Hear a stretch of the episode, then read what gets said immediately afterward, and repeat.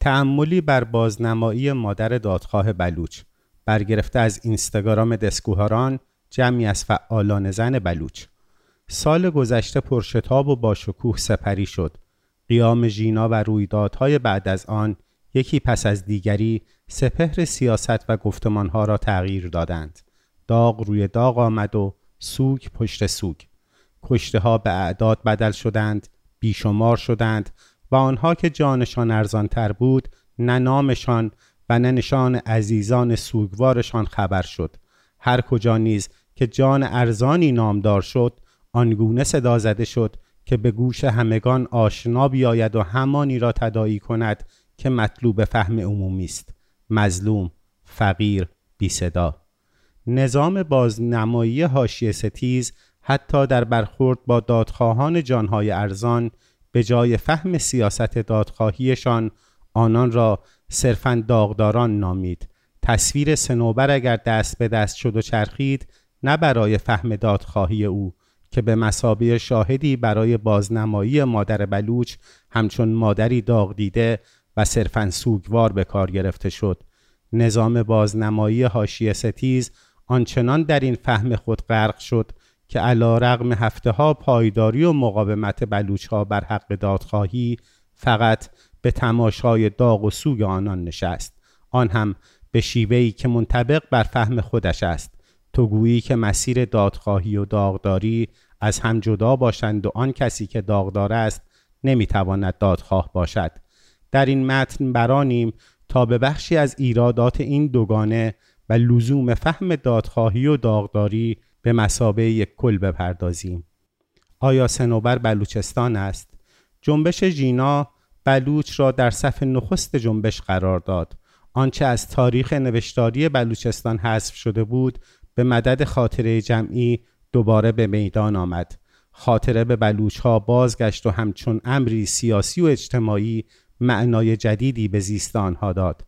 بلوچ ها دادخواه رنج سالیان خود شدند و ستمهایی که به سن نوجوانان و جوانان معترض نمی رسید آنان را نیز دادخواه کرد.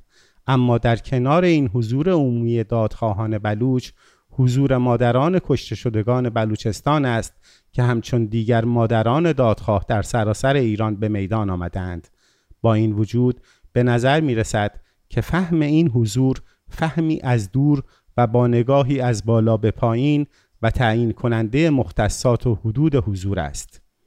قریب به هفت ماه از آغاز قیام ژینا گذشته اما مسئله دادخواهی در بلوچستان همچنان اسیر کلیشه ها در نحوه بازنمایی است. ما در دسکوهاران همواره دادخواهی را به عنوان یکی از دستاوردهای جنبش جینا و ماهو بسیار ستوده و از نظام بازنمایی مرکز محور و حاشیه ستیز بارها نوشته ایم اما سیاست متسلب بازنمایی همچنان به راه خودش ادامه می دهد و در مقابل دادخواهان بلوچ را نه تنها بد بازنمایی می کند بلکه شریک عادی سازی رنج آنها نیز شده است. بازنمایی سنوبر در این نظام مسلط بازنمایی مادری نیست از جنس مادران دادخواه. او تنها داغدار است. اینستاگرام و توییتر ندارد. فارسی نمی‌داند. و دسترسی رسانه ای نیز ندارد. بازنمایی ها با او همان می کند که در کلیشه زن بلوچ به آن پرداختیم. او مادری است که می سوزد تصاویر کمک ها به سنوبر رسانه ای می شود فیلم خلوت گزیدن او در گوشه خانهش و مویه های زیر لبش بازنشر می شود اما سخنی از دادخواهی او و سایر مادران و خانواده های دادخواه نیست. منطق شبکه های اجتماعی به سرعت در حال دیکته کردن شیوه خاصی از دادخواهی است که سنوبر از آن بیرون میافتد. این منطق به شیوه خاصی از بازنمایی می انجامد که نه تنها سنوبر را بلکه دادخواهان دیگر بلوش را نیز در دام ساختارهای از پیش حاکم می اندازد بدون آنکه به فرودستی عمیق آنها اشاره کند. در این مواجهه سنوبر حتی شهروند هم نیست. او فقط مادری است که دست و پاهای پسرش به میله پرچم زنجیر شده است. مادری است که داغدار است. از زندگیش چیزی نمی‌دانیم و هرگز نیز نخواهیم دانست چرا که زبانش را و شیوه دادخواهیش را نمی‌شناسیم. همانطور که از خدا نور نیز جز فیلم های رقص و آن تصویر هولناک و نفسگیر از پاهای بسته به میله چیزی نمی‌دانیم. کسی نمی‌داند که سنوبر چرا در یکی از پرشمار محلات حاشیه‌ای کثیف و ناامن زندگی می کند همه صرفاً به این خبر اکتفا می کنند که او در جغرافیای دوردستی زندگی می کند همان دوردست ترسناک و غریبه. سنوبر حتی اگر مورد ارجاع قرار می گیرد برای به یاد آوردن بلوچ به مسابه موجودی است که سرتاپا بدبخت است. او با جمله کلیدی که سنوبر بلوچستان است به یاد آورده می شود و تمام ظرفیت های مقاومت و مبارزه او و دیگر مادران دادها و داغدار بلوچ به بازنمایی رنج و بدبختی و مظلومیت فرو کاسته می شود اما این نظام بازنمایی بر چه چیزی دلالت می کند آیا در پشت تمام گزاره های این نظام میلی برای درک خالص از وضعیت بلوچ را نمی‌توان یافت که در همان حال که بلوچ را به میانجی این معناسازی ها درک می کند به کنترل اکت ها و کنش های او می انجامد این نحوه بازنمایی بیش از هر چیز در حال ساخت دوگانه مظلومیت در مقابل مقاومت است و مدام در تلاش است تا تلاش ها و مبارزات حاشیه را در دسته اول طبقه بندی کند. سنوبر بلوچستان می شود و نماد کامل نمایش مظلومیت اما اگر سنوبر بلوچستان است پس چرا همچون راوی و دادخواه ستمها و سرکوبهای خونین به سراغش نمی رویم؟ چرا بلوچستان متبلور در او محدود به بیزبانی و مظلومیت است دلالت صرف بر بلوچستان بودن از کدام کیفیت خالص سخن می‌گوید که اینک در سنوبر جمع شد و می‌توان با ارجاع به او بلوچستان را فهمید. چرا در چنین بلوچستانی سنوبر آنقدر ناآشنا و زندگیش این میزان از یاد رفته و گیر کرده در مجموعی از ستم هاست نظام بازنمایی مسلط سنوبر را که بیش از هر چیز مادر فرزندی شورشی بود تنها با مویه های از دل برآمدهش می‌فهمد. اما کدام مادر دادخواهی است که مویه نکرده باشد؟ آیا مسیر دادخواهی از داغداری نمیگذرد؟ مگر نه این است که این رنج و داغ است که داغدار را علیه فراموشی عزیز از دست دادش به میدان میآورد. چرا نظام بازنمایی مسلط اصرار به ایجاد گسست میان دادخواهی و داغداری دارد؟